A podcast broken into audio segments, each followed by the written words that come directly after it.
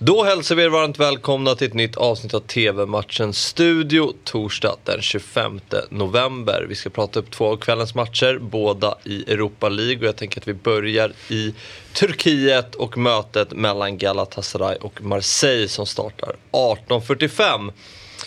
En, uh, vi har ju pratat om den här matchen tidigare, eller inte mm. just den här matchen men senast mm. lagen möttes. Ja. Och uh, då kom vi fram till att det är ett väldigt fint möte. Ja, med, ett mäktigt möte. Ja, men ett mäktigt möte och uh, det är intensivt på läktarna på båda håll. så att Säga, liksom om, om Marseille möter något annat lag som kanske inte är van vid lika mycket röj på läktarna. Mm. Om Galatasaray möter något annat lag som, som inte är van vid det. Men här är det två lag som är, är vana vid, vid röjet helt enkelt. Mm. Så att, eh, man kan, inte, man kan liksom inte skrämma. Alltså det kan ju vara jävligt jobbigt att spela borta match i Turkiet. Men, men, liksom, men likväl man, vinner alla lag känns som där nere. Nej, men, men, men Marseille mm. liksom går inte att skrämma på det sättet. Nej, som kanske andra, andra klubbar hade gått. Båda kommer ju från eh, väldigt händelserika helger. Eh, Galatasaray förlorade derbyt mot Fenerbahce med 2-1.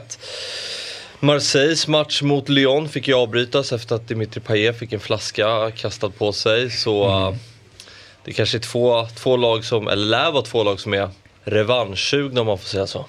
Ja, eller Marseille är mest sugna på att spela fotboll. Ja, jag tänker ändå att revansch eh, eh, lyssnaden är helt enkelt kanske ändå väger över till, till eh, Galatasarays fördel här. För jag menar, eh, derbyförlust är alltid ett derbyförlust. Liksom. Sen, sen var ju det tråkigt, det som hände i i Marseille såklart, eller med Marseille. Eh, så att, eh, mm. Det är ju en spännande grupp också. Vi har ju Galatasaray på första plats med 8 poäng, Marseille trea på 4 poäng.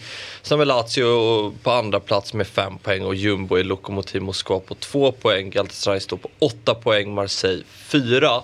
Mm. Så det är ju en eh, väldigt viktig match. Eh, Galatasaray kan ju säkra eh, avancemang här och eh, Marseille måste väl nästan mer eller mindre vinna. Ah, det är lite beroende på vad som händer i mötet mellan Lazio och Lokomotiv Moskva också. Mm. Uh, och, och, och, det kan man ju få för sig i det mötet då som inte pratar om att ja, men det, det, det vinner väl Lazio i alla fall. Nej, eh, det har ju visat sig att det inte är så enkelt att, spela eh, Europa League och man kanske inte har alla spelare på plats och mm. så vidare. Så att eh, ja, de, de bör försöka gå för, för seger båda, båda lagen här helt enkelt. Tror du det slutar då? Jag tror på hemmaseger. Mm. Jag, jag känner att Marseille, eh, alltså, bortsett från Galatasarays så att säga, pålitlighet, huruvida den finns eller inte, så känner jag ju liksom att Marseille är inte ett pålitligt fotbollslag. Mm. Alltså det, är för, det, det, det är för mycket upp och ner, för mycket fram och tillbaka. Mm. 18.45 startar matchen och ni ser den på Viasat Fotboll. Nu till eh, matchen mellan Monaco och Real Sociedad. Eh, det är en um, spännande match det här. Monaco leder gruppen på 8 poäng. Uh, Real Sociedad tvåa på 6 poäng. Real Sociedad går ju starkt i ligan. Ligger tvåa bakom Real Madrid medan Monaco har haft en ganska tuff säsong. Ligger i mitten uh, i Ligue mm. Så kanske motivationsfaktorn är större i, i hemmalaget här? Ja, det kan vara så.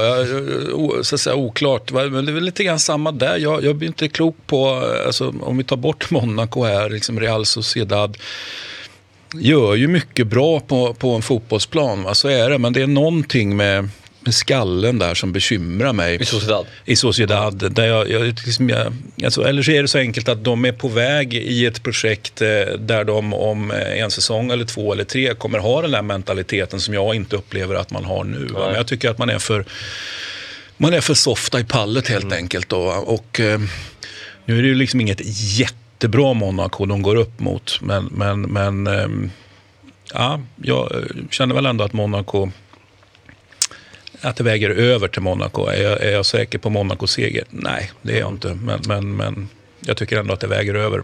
Mm. Så du tror på Monacos seger? Ja, väger över. Väger över. Nej, men, men eh, vi får se. Det är mm. två, två helt, helt okej okay lag liksom. Mm. Så att, så att, uh... Isak behöver ju börja få igång lite målproduktion här. Han har gjort två, visserligen två i Europa League men mm. har inte gjort så värst många i La Liga så han behöver få igång lite självförtroende att börja. För ja, och är han så bra mm. så ska han ju såklart, jag menar, ja, men då ska han kunna avgöra en sån här match. Uh, och nu när jag sa där, är han så bra? Så hörde du att jag är liksom ändå lite, ja, jag vet inte riktigt vad jag ska säga där. Han fick ju enorm enorm liksom pushning inför, inför eh, landskampen mm. i spanska tidningar. Var helt han fick ju, han fick ju liksom första sidan eh, mm. i Marca som då var splittad.